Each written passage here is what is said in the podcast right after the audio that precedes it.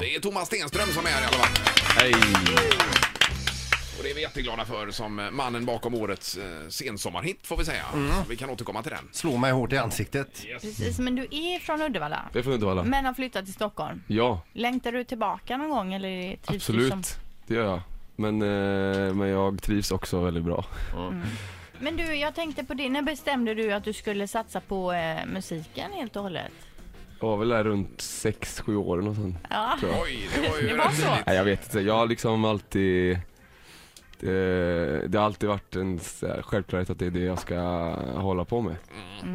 Så jag har liksom, jag, jag, har ju- jag har gjort det väldigt länge. Börja tidigt och spela instrument och så då. Ja, exakt. Ja. För må- många tror ju kanske att du bara poppar upp och skriver den här låten från ingenstans, men det är, så är det ju inte. Ja, nej, det, alltså det är ju liksom verkligen 99% av tiden som jag har hållit på så har ju liksom ingen, ingen lyssnat. Så det är väl det som är skillnaden nu. Och det är ju härligare att folk gör det. Ja, Men, det är eh, klart. ber, ber, berätta om vilka, vilka dörrar öppnar en sån här låt? Ja, Jag ska, ja, det är ju massa roliga dörrar. Det är ju, eh, framförallt så ska jag ut och vi har en 30 datum nu vi ska ut och spela en höstturné över hela Sverige och så här, åka ut och träffa alla som lyssnar och sådär. Det är ju väldigt kul alltså. Ja, det är klart. Du- Och du har också fått Te- Ted Gärdestad-stipendiet 2010 var det, Jajamän. för fyra år sedan. Vad innebar det så att säga? Ja, jag fick, eh, jag fick 100 000 Mm. in på kontot Mm. en sommar. Det, Från ingenstans heller? ja, det var väldigt bra. Det var en rolig Nej men det sommar. Mm. var, det var grymt, ja det var en väldigt rolig sommar men det, men, eh, det var ju ett, något slags kvitto liksom på att, Mm. vad fan det här kanske man ska Mm.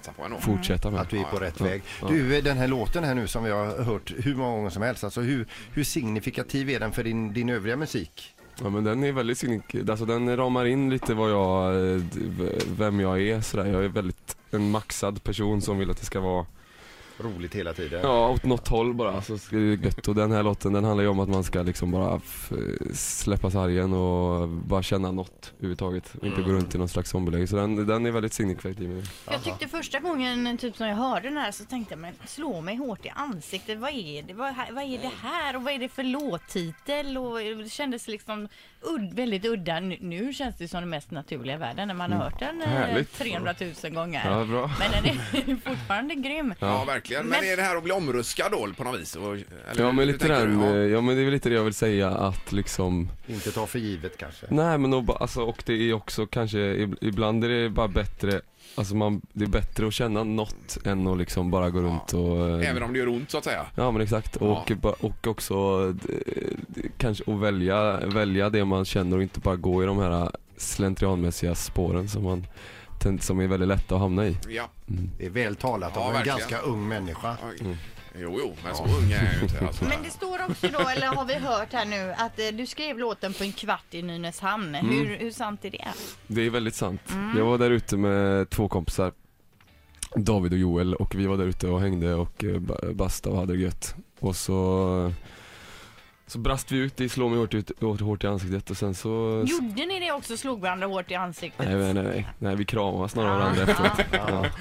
Men vadå, alltså eh, titeln kom där och, och melodin och alltihopa? Allting kom på en kvart, 20 minuter. Ihop med de andra killarna då? Ja, ja visst. Jaha. Vi satt där och bara körde. In i bastun? Ja. Men satt ni där för att skriva en låt eller var det bara liksom? Nej, nej, vi satt där bara och skulle liksom, alltså alla håller på med musik liksom.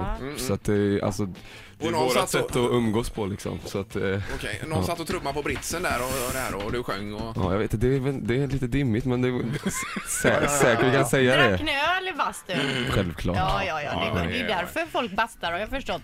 För det, Låten är skriven under påverkan. Ja, det Mm. är den. Eh, Och nu spelad 4,5 miljoner gånger på Spotify. Eh, Så där. Fick jag en lapp på här nu. Har du inte precis, koll på det själv? Nej, Nej. Men det är ju gött. ja, det är ju gött alltså. att- Just det, men då kommer det en check till här så småningom då kanske. Vem, vem vet? Och trillar in där. Ett poddtips från Podplay. I fallen jag aldrig glömmer djupdyker Hasse Aro i arbetet bakom några av Sveriges mest uppseendeväckande brottsutredningar. Går vi in med hemlig telefonavlyssning och, och då upplever vi att vi får en total förändring av hans beteende. Vad är det som händer nu? Vem är det som läcker? Och så säger han att jag är kriminell, jag har varit kriminell i hela mitt liv men att mörda ett barn, där går min gräns. Nya säsongen av Fallen jag aldrig glömmer på Podplay.